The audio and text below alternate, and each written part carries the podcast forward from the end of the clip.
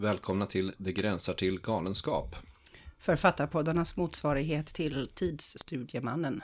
Jag heter Elin Bårdy. Jag heter Mattias Hagberg. Jag heter Martin Engberg. Och jag heter Jessica Schiefauer. Jag skulle idag vilja tala med er andra om en spaning. En spaning efter den effektivitet som inte vill infinna sig. På spaning efter den tid som flytt finns det ett, ett romanverk. Ett gigantiskt, oformligt, fullständigt jättestort romanverk som heter. Det är skrivet av en författare som heter Marcel Proust och det utkom under åren 1913 till 27 i sex, sju band, många band. De senare delarna kom ut postumt. Marcel hann inte skriva färdigt sin romansvit. Fragment och utkast till samma romanvärld påbörjades faktiskt redan 1985. Och räknar man lite slarvigt så får man det till att det är liksom 30 års arbete med samma roman kan man säga. Samma romanvärld, samma karaktärer. Som i slutändan aldrig ens blev färdig. Och blev över 3000 sidor lång. Sen finns det en annan författare som har skrivit färdigt sina böcker. Som heter Donna Tartt. um, hon har också varit författare, känd, aktad, väldigt läst, utgiven över hela världen och hon har varit författare i mer än 20 år. Och hon har på den tiden utkommit med tre romaner. En 1992 som heter Den hemliga historien, en 2002 som heter Den lille vännen och en 2013 som heter Steglitzan.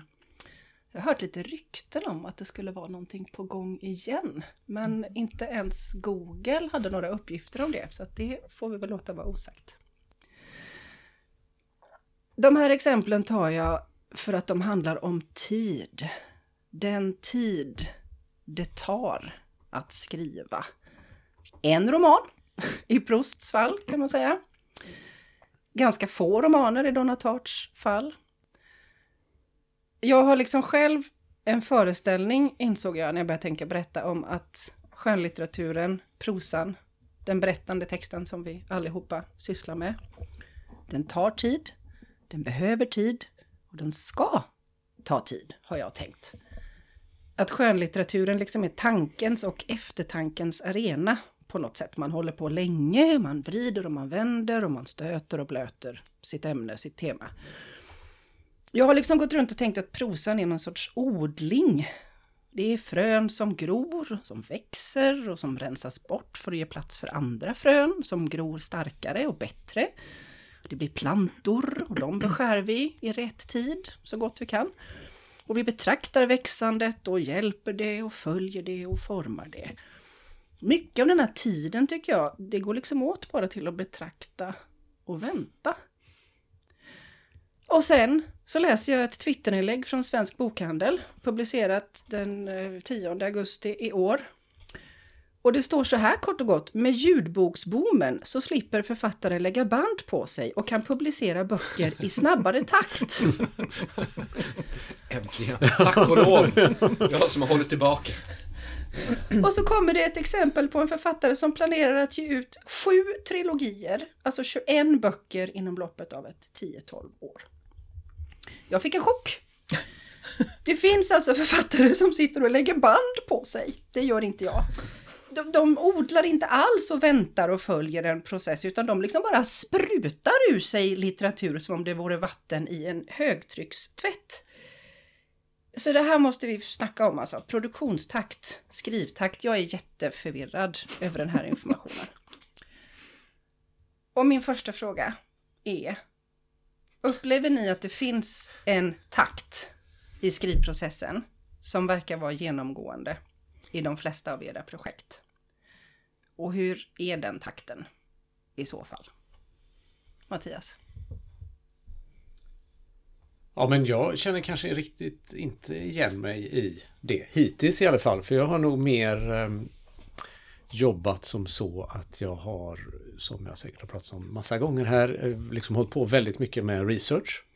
Tills jag har fått typ som en vision av vad det är jag ska göra. Och vad det här ska bli för bok. Och, eller vad det ska bli för roman eller text eller vad man ska säga. Och sen har jag skrivit väldigt snabbt. Liksom så länge på något sätt. När jag tänkte inför att vi skulle prata om detta så jag tänkte att ja, det har nog nästan varit så att det har gällt att skriva så pass snabbt så att inte visionen försvinner. Mm. Att det där liksom säger poff och så är det borta. Eh, så det, liksom min skrivprocess har varit jättesnabb. Sen vet jag inte om jag hade kunnat producera eh, sju stycken trilogier på eh, 21 år eller vad det var, eller på 10 år eller vad det var. Men, men eh, liksom själva skrivprocessen i sig har varit väldigt snabb. Men, men det har berott på den här visionen. Och sen har jag också en känsla för min del i alla fall att det har liksom att jag vill skriva ganska snabbt också för att det på något sätt händer någonting med språket när det går ganska snabbt. Jag nästan tänker på det som att det liksom språket lutar framåt så liksom faller man genom texten och faller med texten. Och så blir det på något sätt en sorts eh, rörelse framåt på det sättet och den, den får man inte till utan att det går ganska snabbt medan man skriver. Jag har märkt att när, om jag skriver långsammare så blir det en mycket mer trögare texter. Sådär. Så har det varit i alla fall. Sen så har jag ju nu liksom på något sätt bestämt mig för att jag ska liksom verkligen ge det jag håller på med nu väldigt lång tid. Eh, och nästan liksom har en, liksom en så här dröm om att kunna bete sig som Marcel Proust eller något sånt där. Att man liksom säger, det är det här jag håller på med och så kan jag hålla på med det resten av livet liksom. Kommer du låsa så- in dig i ett rum också och, och bara bli uppassad av din husa och äta kakor och dricka te? Det finns sådana planer, Ja. helt klart. Det var det där eremitaget som jag minns att vi talade om i något poddavsnitt. för Men vad är, vad är snabbt då? Alltså när du säger att själva skrivprocessen är ganska snabb, vad är det liksom i, i tid? Hur länge skriver du? Liksom? Eh, Ja, men ett par månader kanske. Men är det, Eller det säger det, jag har ju sagt det. Är det redigering Men då är det- sen också, Ja, men sen är det är ju det redigering liksom- också. Men jag menar, det, men det har ändå varit hyfsat klart ofta efter den tiden. Men då har det ju varit väldigt mycket förarbete liksom. ja, ja, Ja. jo, jo. jo. Så, så jag, Jag tror att bara processen ser så olika ut. Men, men, eh, men det där vill man ju inte heller riktigt säga. För att det finns ju någonting lite fult i det. Det finns något lite slarvigt. Något att man inte tar sitt skrivande riktigt på allvar och, och sådär. Så jag har ju inte riktigt vågat. Andra författare blir så himla aggressiva och avundsjuka också varje gång du säger Ja, det. men eller sådär att ja, men det här kan väl inte vara någonting när det har gått så snabbt. Det, Är du lite avundsjuk och lite aggressiv nu Elin? Du ser lite provocerad ut. Nej men ja, men jag blir lite avundsjuk. Två månader låter ju härligt. Men, men sen är det ju såklart, alltså hela processen om man ska ta in tankearbetet och liksom efterbörden och redigeringen och såklart så är det klart att det är mer tid. Men ja, alltså jag har ju debuterade 2008 och det har kommit en bok var tredje år. Nu kommer det inte göra det, det kommer inte komma en bok 2023. Det borde det ha gjort då inom jätte, jättestora citationstecken. Eh, men, men och det har ju inte varit meningen. Det har, verkar ju vara så lång tid det tar. Så jag tänker att jag har en ganska, haft hittills en ganska tydlig takt. Och då har det ju varit ofta så att idén till så att säga nästa projekt har kommit medan jag antingen var mitt i skrivandet av eller redigerandet av eller så, föregående. Så att det har ju inte avlöst varann. Liksom. 2011 kom det en bok, då fick jag idén till nästa bok. Utan där har det ju gått om lott med varann. Liksom.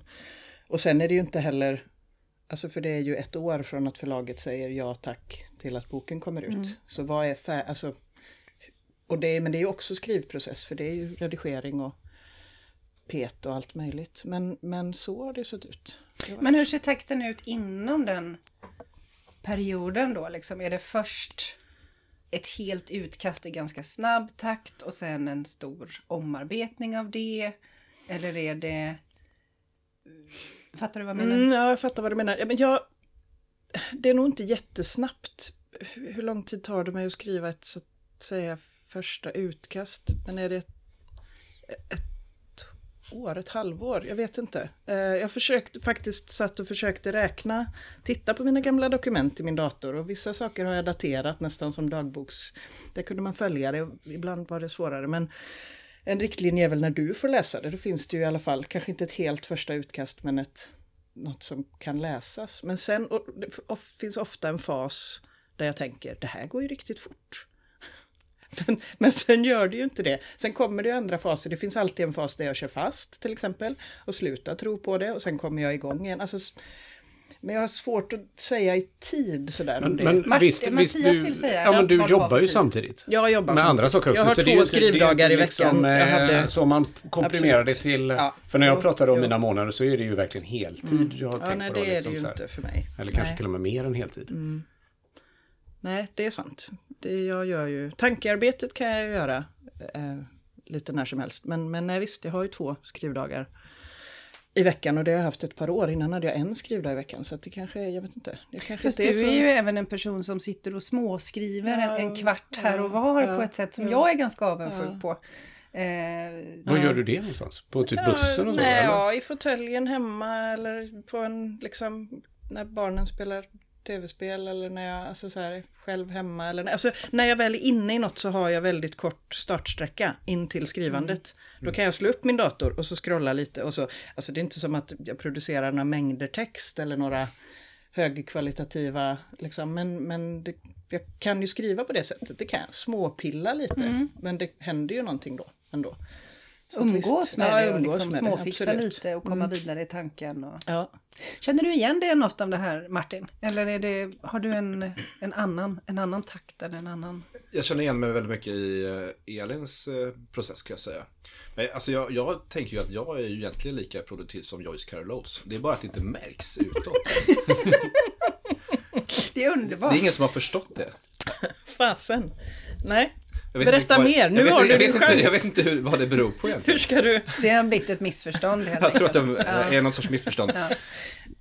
Ja, men eh, ibland jag tänker att jag producerar så mycket text så det borde ju gå- nå upp till den mängden vid det här laget. Mm. Det är bara att det inte blir färdiga böcker. Den lilla detaljen. Den lilla detaljen. Mm. Ja. Men känner du, för jag, jag tror att din produktion också är ungefär tre år emellan. Ja, men det, alltså grejen, jag satt och funderade på det. Ja, men det Elin säger stämmer ju också för mig att det är väldigt otydligt var den här processen börjar. Mm. Eh, och jag försökte tänka på det jag håller på med nu. Så här, ja, men det kanske jag håller på med ett och ett halvt år, vilket är ganska kort tid med tanke på hur långt det har kommit. Å andra sidan så är det en avknoppning av ett annat projekt som i sin tur var en avknoppning av ett annat projekt. Mm. Alltså så, så börjar jag söka rötterna till de senaste böckerna jag har skrivit så når de ganska långt bak i utkast helt enkelt. Eh, så, men däremot så skulle jag nog säga att ja, men mellan alltså ett specifikt projekt eh, som snabbast har det nog tagit tre år, Mm. kanske lite fortare med Ta skada var snabbaste och kanske fem år som längst som nog var Stjärnpalatset tror jag. Mm. Så i den. Så där har vi ändå någon, någon sorts takt som är, Ja, verkar alltså det- återupprepas. Ja men precis, jag pratade med min eh, förläggare här ganska nyligen och han sa så här, eh, för jag sa att, ja, men, eh, att vi skulle träffas och att jag skulle liksom, börja prata om att jag har projekt på gång och så, Mm. ja ja men jag tänkte det, det jag börjat lära känna din takt liksom ungefär, sa han. Ehm, Och med detta menade att han... Nej, jag menar ingenting. Ja, han, han, det lät rimligt tror jag. Liksom. Mm. Ja, ja, jag, ja, jag, jag tyckte det. att, Mm. jag, ehm, att jag hade varit snabb. Tyckte jag. Och han tyckte jag att är det var ungefär- Joyce Carol Oates. Ja, ni är ganska lika, eller hur var det nu? Vad säger du då Jessica, som ändå kom med det här ämnet? Hur Ja. är din takt? Ja, den är ju eh, eh, vart... Ja, egentligen mest eh, vart fjärde, vart femte år är någonting färdigt. Eh, det bara en gång mellan min första och min andra roman som det var kortare. Då var det bara två år. Men då skrev jag ju väldigt länge på Pojkarna som var den andra. Innan jag var klar med den första just så att säga. Men jag eh, tycker att det är ganska tydligt så att det är en första fas som tar någonstans mellan eh, ett halvår till ett år. När jag skriver det som jag tror ska verkligen bli romanen. Jag har väldigt ofta en första känsla av att den här gången kommer det gå fort.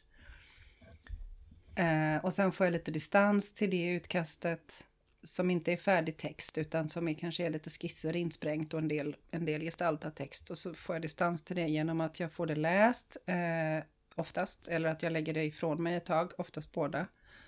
Och blir varse att det här är inte alls romanen utan det här är bara ett, ja men just en skiss, ett skrap på ytan.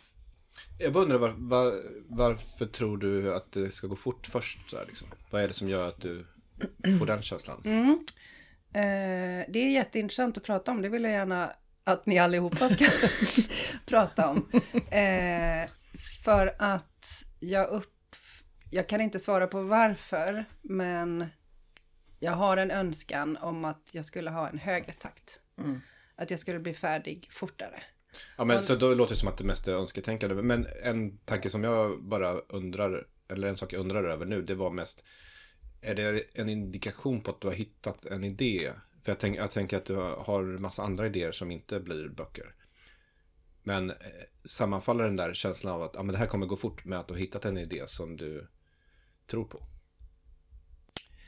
Eh, Inte alltid, det är en jätteintressant fråga.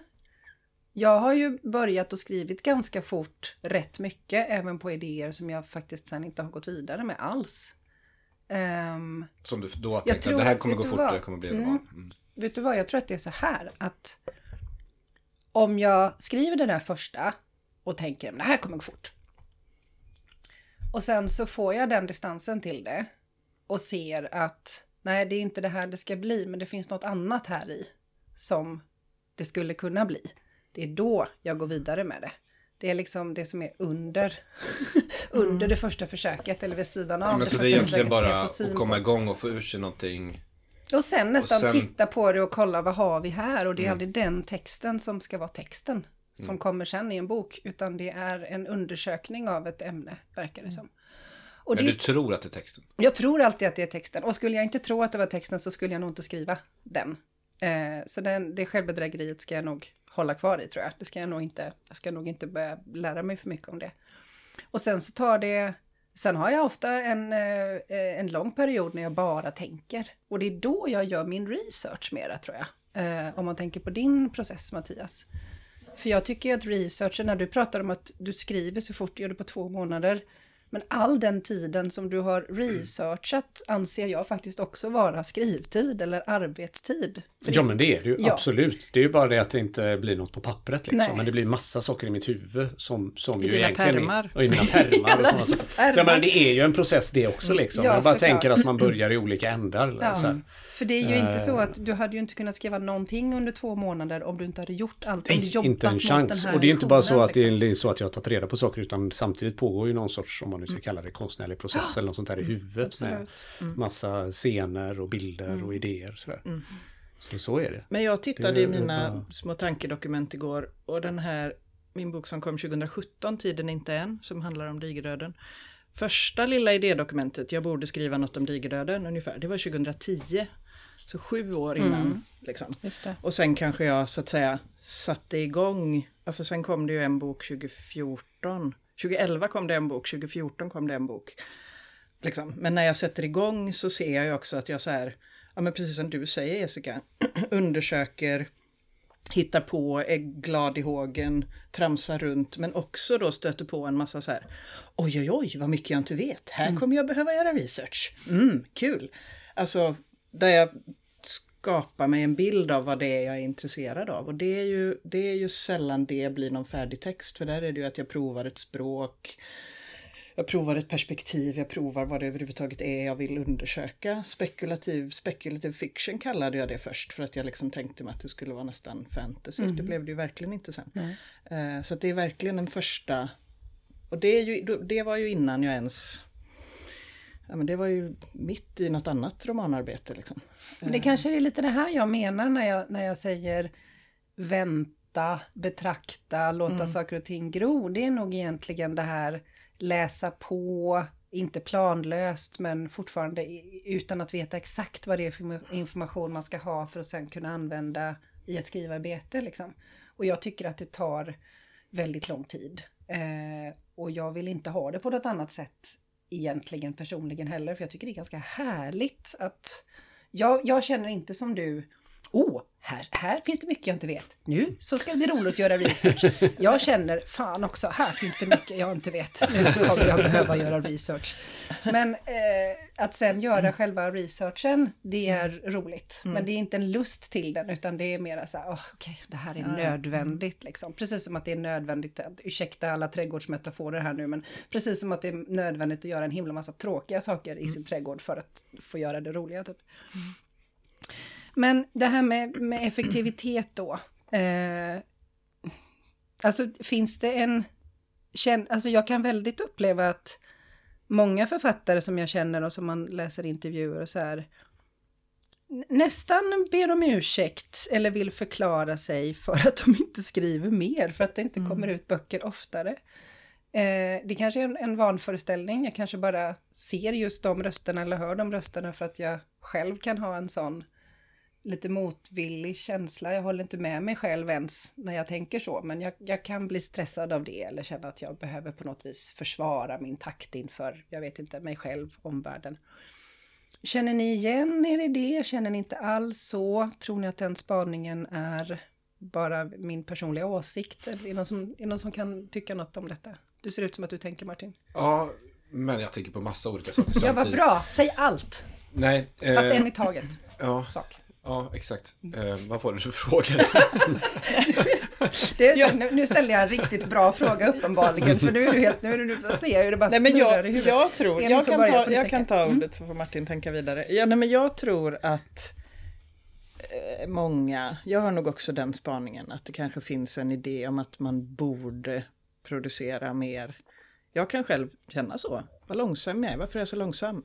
Vad härligt det borde, vore om man kunde liksom få ur sig lite fler böcker. Men samtidigt så är ju det där att producera snabbt något som man också ofta kan höra författare eller andra litteraturmänniskor tala lite illa om. Oj, vad snabbt det går. Är det där verkligen? Ska det där... Ja, för jag tänker verkligen att det är det här riktigt långsamma är det riktigt fina Jo, på jo. något sätt. Att det är Donna jobbigt. Tartt är ju liksom berömd det för att hon har har skrivit. värkt fram och det har varit ett, liksom en, en kamp på vägen fram till den här texten. Att det är liksom att vara en Stephen King eller något sånt där. Det är inte fint. Eller Joyce Carol Oates? Som eh, båda har fått uppfinna liksom Nej. Pseudonymer för att på något sätt fejka Mm, bort hur mycket böcker de egentligen skriver liksom för att eh, inte marknaden Exakt. ska drunkna i Vad heter Deras- nu Joyce Carol Oates pseudonym? Det vet jag bibliotekarien. Nej, jag vet inte det tyvärr. Eh, Där vi får lämna det till internet att ta reda på. Martin, du tänkte Ja, men det var det här jag satt och tänkte på nämligen. För jag ty tyckte att det skulle vara intressant att prata lite mer om just den där kopplingen mellan snabb produktionstakt och, liksom, och kvalitet. Ehm, för att det är ju den där exemplet du läste från början där med någon som håller tillbaka lite grann. Antar jag att det är en person som skriver någon typ av genre litteratur. För det är då du kan vara så snabb. Enid Blyton, 600 titlar skrev hon. Eh, Philip K. Dick, han skrev en roman på tre veckor. På amfetamin. Det. Det är ett annat sätt att öka sin takt, men det, Ja, det han, rekommenderar vi och- inte. ska Nej, vi rekommenderar han resten av livet så ägnar han en stor del, av tiden åt eh, att skriva en text som han kallades för exegesis. Där han liksom kämpar med religiösa upplevelser och försöker förstå verkligheten och sånt där som lite grann har pajat för honom. Men han skrev ganska mycket eh, och i sin genre, sci-fi, så, så är han ju en portalfigur. Mm. Vissa kvaliteter har de där böckerna. Vet ni vad hans fans kallar sig? Nej, faktiskt inte. nej, jag vill- Dickens? jag- Nej. Var det det? Nästan dickheads. Dickheads. Ja, det var ju Så. väldigt roligt. Ja, Ja. Ja. ljuvligt. Men Såklart. jag vet inte riktigt och eh.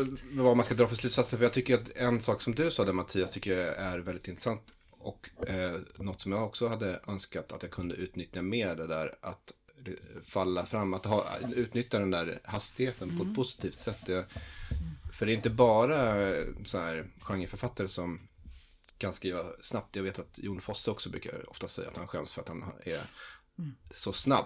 Och där tycker jag att det går att se i hans sätt att skriva eh, på vilket sätt det är en stor kvalitet. Att han har en, en sorts driv som, som jag tror inte går att mejsla fram. Samtidigt så tycker jag att en del av hans böcker är väldigt konstruerade och, och helt märkligt, märkliga på ett mindre positivt sätt. Han har båda de, de kvaliteterna. Och jag, tror, jag tänker att det är så, här, ja, men så måste det vara om man jobbar på det sättet. Att, sen finns det en massa människor som nu inte skulle hålla med mig, som tror att varje ord han skriver är guld. Men jag tror att det ibland skapar kvalitet, ibland skapar någonting annat helt enkelt. Ja. Ja men ibland måste man kanske, alltså är det ju mer som att man får fatt på någonting helt plötsligt. Ja, och så gäller och- det liksom, medans man det, fortfarande liksom. har det liksom, liksom- så gäller det mm. att, att göra något av det. Följa och, efter kaninen ner i hålet, det är väl lite... Ja men lite så ja. Men en annan, en annan association här. Jag är väldigt förtjust i att läsa författarbiografier. Alltså eh, biografier om författare, om Karin Boye, om Elin Wägner, om Tora Dahl, om Selma Lagerlöf har jag läst. Liksom. Det senaste bland annat. Ehm, och jag tycker väldigt mycket om just då skildringen av hur de kämpar med sitt skrivande och man får följa romanerna eller diktsamlingarna eller så. Men det verkar också ofta som att det går så lätt, tycker jag. Även, alltså de kämpar absolut. Jag vill få det sagt att jag förstår att de har kämpat. Karin Boye. Men nu tänkte jag på, det är ju också så här som jag redan har varit inne på idag, att det tar ett år från att förlaget säger ja tills att boken kommer ut. I Karin Boye-biografin mm. så är det ju så här att hon skickar in en diktsamling och får svar från någon av Bonniersarna, ja vi skickar den till tryck på fredag. Så ser det ju inte ut nu. Alltså det är ju också tid som mm. går som inte är skrivprocess. Sen skulle inte jag personligen vilja vara utan redigeringsfasen för att jag vill att det ska vara så bra det kan vara när det kommer ut. Men men det är ju väldigt mycket tid som är väntan på att komma ut i bokfloden. Ja, och man ska passa in i någon slott liksom ja. det året och förlaget har sina listor. Blir det hösten är... eller våren? Mm. Ja, vi har lite på sommaren men inte så mycket och kring jul, nej då är det november för då är det julhandeln. Alltså det är ju en väldig, mm. som jag inte riktigt får känslan av att det har varit förr. Eller det har det väl helt enkelt inte, det kommer ju fler böcker nu och det är mer kommers. Det är mycket trängre liksom. Ja, det är mycket trängre. Kanalerna. Men en, en liksom liten eh, följdfråga på det då, för att så, så har jag också kunnat tänka ibland att ja men nu så lämnar jag in, nu ska jag bara inom citationstecken redigera. Mm. När jag har mm. fått ett manus antaget och så sätter man en utgivningsperiod och så är det ungefär ett år fram i tiden. Nu ska jag bara redigera. Oh vad mycket tid jag har nu till att börja på någonting annat. Så mm. att det kanske kan komma ut mm. lite fortare än fyra fem år emellan. Och detta har aldrig hänt. och det kommer med största säkerhet aldrig hända heller. Så vad är, vad är det för sorts tid då? Alltså, Men jag tänker att då är, det, Inne, då är det ju så långt in i projektet också. Det är klart att du inte kan splittra det, börja skriva på någonting annat kanske går att göra när man håller på i sökfas. Oh, jag känner precis, jag. eller jag tänker att jag borde känna precis I tvärtom. I slut-P-redigeringen får jag nästan alltid idéer till något annat. Elin För då vill igång. min hjärna fly. Alltså Hur vore det med Berlin, börjar min hjärna ja. tänka. Och så när jag egentligen borde redigera en jävla digerdödsroman så sitter jag och lustskriver något helt annat. Det är ju ja, men idé, Idéer får jag, hela, får jag hela tiden. Så det, ja, men som jag börjar skriva på. In, ja, ja, okay. Som ja. jag Ja, som inte helt sällan blir nästa roman ju. Det, så tänker jag att din takt Det har varit lite så. Har varit så. Och jag använder där, det där året i stor utsträckning till att ja, men göra helt andra saker, redigera och ha ganska mycket ångest över att jag inte använder resten av tiden till att påbörja någonting mm. nytt, utan istället så, ja, vad fan gör jag? Renoverar, alltså men du kanske också tänker på andra projekt fast du inte har samma närhet till att hoppa över de litterära skaklarna som jag har. Jo, men sen kommer ju också tycka jag när, när en bok väl har kommit ut, då kommer en, en period av nästan oförmåga att tänka att, mm. att jag ska skriva igen. En, ett sorts komma i mål utmattning mm. som räcker ett, ett bra tag, alltså som mm. för mig nästan kan räcka i ett år. Men då har jag ofta haft hittills, då har jag ofta någonting redan. Det där lilla materialet som jag har påbörjat medan ja. jag finredigerade. Och då, som ju då ofta kör, in i, kör ner i diket en stund. För att när det plötsligt inte finns det där som jag borde göra, utan oj, nu är det här på allvar. Hö, det här, ö, ska det här hålla hela vägen? Nej, det vet fasen. Men jag har ju någonting att titta på. Jag, för mig har ju inte den här liksom uppstått, jaha vad ska jag göra nu då? Utan då, jaha, nu tar vi väl tag i det här då. Ja. Och det kanske inte alltid är bra. Det kanske skulle vara jättebra för mig att bara sitta ner och stirra in i väggen ett tag. Men jag har ju liksom, då har jag redan börjat producera ja, Du hoppar lite annat. från isflak till ja, isflak. Ja, hoppar lite från isflak, ja. ja. Mm.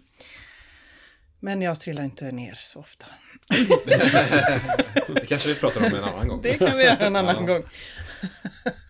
Men nu, då tänker vi lite inne på när du säger det det, det, det är så det är för dig liksom Elin, det är så det, är så det funkar. Det kommer, det kommer en ny idé under redigeringsfasen mm. och sen när boken är ute så har du någonting som att ja, du kan hålla ofta. på med i alla fall. Mm. Liksom. Men jag tänker att för mig skulle det vara främmande att jobba på med två skönlitterära projekt parallellt. Nästan, alltså jag har nog försökt, eller tänkt att jag ska göra det eh, ungefär som att, ja men jag har ju också de här novellerna, kan jag inte liksom ta lite av tiden och jobba vidare på en av dem samtidigt som jag arbetar med romanen. Det går inte. Nej, men det, Men det precis bygger så på att jag är helt också. olika fas. Jag skulle inte kunna redigera eller så att säga Nej. produktionsskriva på två saker samtidigt. Nej. Men när jag sitter och flyttar kommatecken och gör meningen så effektiv som möjligt, Mm. då kan jag också blajskriva på något annat. För det är två helt olika, i mitt huvud är det helt olika sätt att förhålla sig till text. Liksom. Om du gjort meningen effektiv från början hade du inte behövt göra det.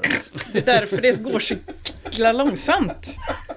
Tänk om man kunde klämma ur sig lite mer, om man kunde falla framåt genom texten. Som du gör Mattias. Jag känner att jag asar mig fram genom texten. Men jag måste ju säga Elin att alltså, det här som du berättar nu, det, det är liksom ett exempel på den absolut mest effektiva form av prokrastinering jag någonsin har hört talas om. Att kunna skriva, börja skriva på ett, ett nytt stoff eftersom man prokrastinerar färdigställandet av det gamla och sätta det i system. Jag blir nästan förbannad. Jag säger ju det, att kollegorna blir förbannade på varandra. Det är ju det här som är grejen. Ja, alltså och, oavsett hur, hur vi hade gjort så blir man avundsjuk på de andra hela tiden.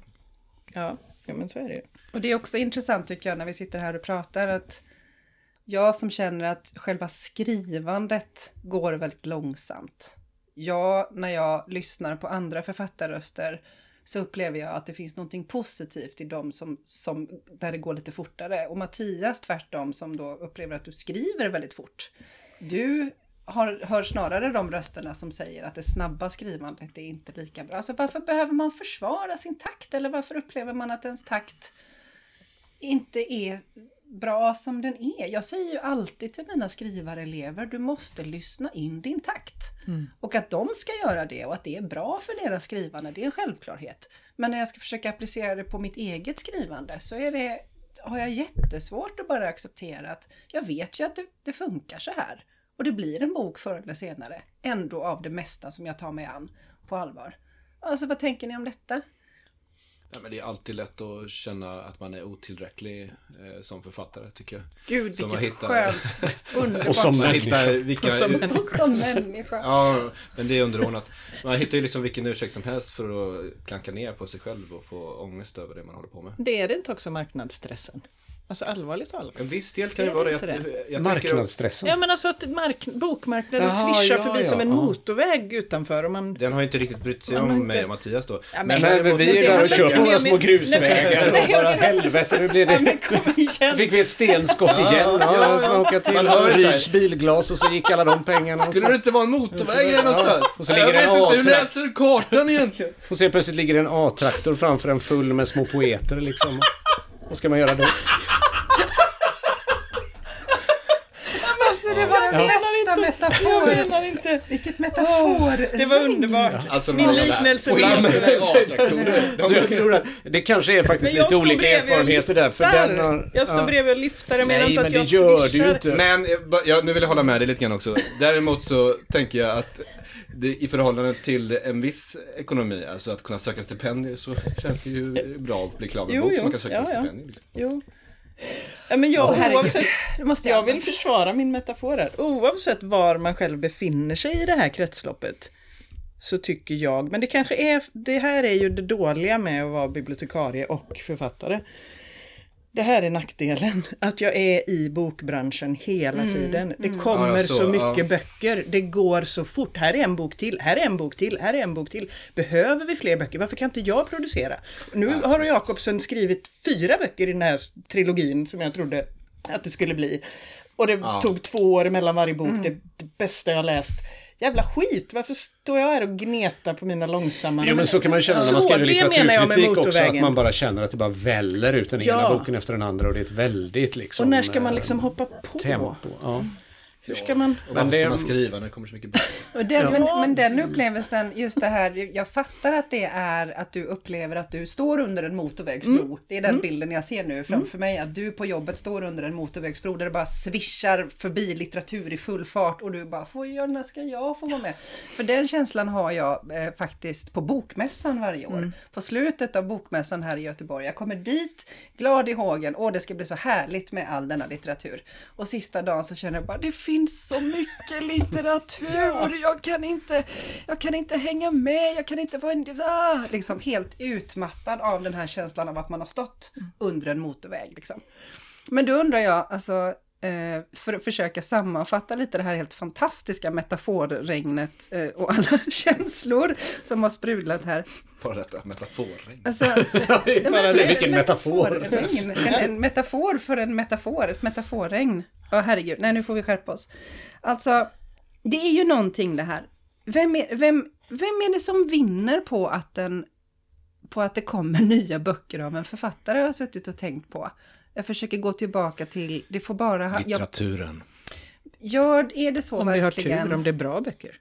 Ja. Ja, det är så verkligen. Det var ett enkelt, kort och konti- koncist svar. Jag tycker det är en väldigt bra fråga. För att, eh, det är inte säkert att läsarna vill ha böcker så tätt som författaren tror att läsarna vill ha det. Intressant, jag har också tänkt på det. Inte riktigt vågat tänka den tanken ut, men du Ja, tror men att det finns så? eh, några det... författarskap som jag tycker är väldigt intressanta men som är så produktiva att det är svårt för mig att hänga med i Mm. deras produktion.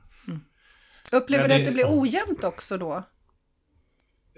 Det vet jag inte för jag hinner inte läsa det. Också svårt att Men veta finns det inte något väldigt fascinerande med de här graffomaniska människorna också? Jo, liksom, som på något sätt måste Jag skriva jag hela tänker- tiden för att Ah. hålla fast i verkligheten på något sätt. Ja, just det. Ja. Nu, nu Ja. tänker jag, nu måste jag bara säga att jag tänker att, att det är lite olika estetiker också. För det är, att det är lite skillnad på vissa estetiker eh, här som till exempel Johan Jönsson som skriver, eh, jag, han måste ju ha förutsatt sig att skriva att varje bok ska vara tjockare än den innan och nu börjar de bli rätt så tjocka. Eh, och de måste man ju liksom läsa på ett annat sätt. Mm. Men jag tänker också på en författare som Stig Sandberg som skriver Mm. jättekvalitativa böcker. Men också är väldigt, väldigt produktiv. Mm. Och, och Ja, håller sig till en annan sorts estetik, den mer klassiska romanestetiken helt enkelt. Och, eh, och det är den typen av författarskap jag säger. Det, De här Leif Holmström och så vidare och, och Johan Jönsson som, som, där det här är en del av deras, graffomanin är en del av liksom estetiken helt enkelt. Mm, just Tänker det. jag något annat. Mm. Och också en del Men- nästan men, av en ja. identitet, tänker jag. Liksom ett, ett liv som ser ut så att det man gör när man lever, det är att man skriver. Det är åtminstone det är min upplevelse, men det är kanske för att jag gör så mycket annat när jag lever också. Men tror ni inte vissa romanförfattare beter sig på det sättet också? Att det liksom, det, Joyce Carol Oates tänker jag mig Ja. eller Stephen King, Stephen King, eller kanske Steve, Sam Sandberg också. Liksom, att det, det måste skrivas hela tiden, annars så tappar man greppet om tillvaron. Ja, grann, liksom. ja, jag tänkte nog mer på det här med det här att ha en... Inte behöva hålla så länge på materialet, att skriva det och få ut fort ja, ja. Mm. och eh, genom flera olika kanaler. Nu Ja. missade vi avrundningen, vilket Nej, var men, ganska nej, men jag Jaha, tänker att branschen Nej, jag också... Jag, inser att det finns mer att säga nej, jag här. tänker att branschen ju också på ett sätt tjänar på när man är snabb, om man är snabb Om med är den typen av böcker snabb. som säljer. Ja, ja. Så. Eller lagom snabb om man skriver Jo, böcker klart, som säljer ju- lagom För mycket. det är ju också skillnad. Det är klart att du, om du skriver den här eh, deckarserien då Ja. ska du ju komma med varje år eller vartannat år. Ja, och jag har funderat på också så här nu inför det här avsnittet. Går det att skriva en trilogi om man inte, alltså antingen är halvsnabb åtminstone och har en, alltså dels får man ju ha någon sorts bild av vad det ska bli som, det här ska bli en trilogi, det här kommer att kräva tre böcker eller vad det nu är, två, fyra. Men då måste man, man kan ju inte komma med en bok och sen tog det fem år till del två i trilogin. Då har man ju tappat alla läsarna kanske, eventuellt. Ja, å Jag tror ena att det går att göra sidan. så. Ja, Eh, Claes Östergrens trilogi är ju ännu längre. Jo, men det är ju en trilogi som mer så att säga blir en trilogi medan den... Ja. Alltså utannonserades den verkligen som en trilogi när den första delen kom undrar jag. Nej, det Alltså det. jag tänker att det uppstår när man fortsätter skriva och ja det här hänger ju ihop. Jag är bara övertygad på att det finns Men- exempel på det, men jag kommer inte Ja, på något. Kristina Sandberg är väl mer en trilogi som ska bli en trilogi. Mm. Nu har jag inte i huvudet hur fort det gick. Ja, Men, men det är ganska... men jag tittade på- tjocka de böckerna jag Vi pratar alltså på... om eh, böckerna om maj. Ja, precis. Kanske tre, fyra år mellan. Att föda ett barn. Jag tittade på Kerstin Ekmans Vargskinnet-trilogi, Mm. 99, 2002, 2003. Mm, det är snabbt det. Eller hennes Katrineholms-svit då, 74, 76, 79, 83. Mm. Sen kommer det en bok 86 och sen 88 kommer Rövarna i Skuleskogen som jag inte förstår hur hon har producerat så snabbt. Alltså, Det är ju också en person som har haft mycket skrivtid. ja, jo, jo, ja, ja, jo.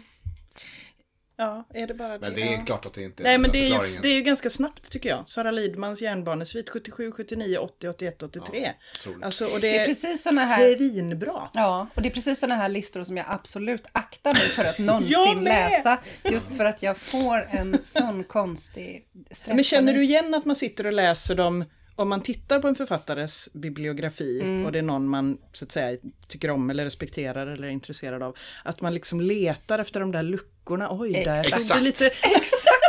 Först tittar man, hur gammal var personen när den debuterade? Mm. ja, hur mycket, precis. många böcker har den gett ut? Ja. Eh, Hur många barn hade den? Ingenting.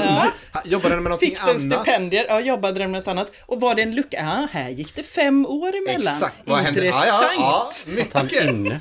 Det här avsnittet... Jag fattar ingenting Det av detta faktiskt. är, Det var, ju, det var ju den här personen höll på att skriva massa pjäser. Ja, usch. Det här avsnittet handlar inte om tempo eller produktionstakt. Det handlar om oginhet, Avund. Avundsjuka. Avund. Konkurrens, Oj. avundsjuka och Där har vi ett annat tema. Där har vi ett annat tema som vi nästan håller på att bränna ut här. Mattias, jag tror att du ska få slutordet nästan här. Du känner inte alls igen det här med att man sitter och tittar på listor och letar efter luckor och... Nej. Nej, jag, har aldrig slagit mig att man skulle kunna sitta och titta efter detta och se, oh, var det två år mellan där och där fick de Va? barn och sådana saker. Jag har ingen, jag har ingen aning om att ni har på så här. Jag är, inte varit intresserad av. Jag har inte kollat detta. jag är chockad. Jag är chockad. Jag tycker måste du är en säga- märklig, märklig människa. Ja, jag känner mig mer och mer märklig för varje, varje gång vi träffas. ju. Jag är också chockad, men på ett mycket positivt sätt. Jag tycker att fler Ja, ja. borde börja förhålla sig som du, Mattias. Och vi andra, vi ska sluta titta efter luckor på andra författares utgivningslistor. Kom igen.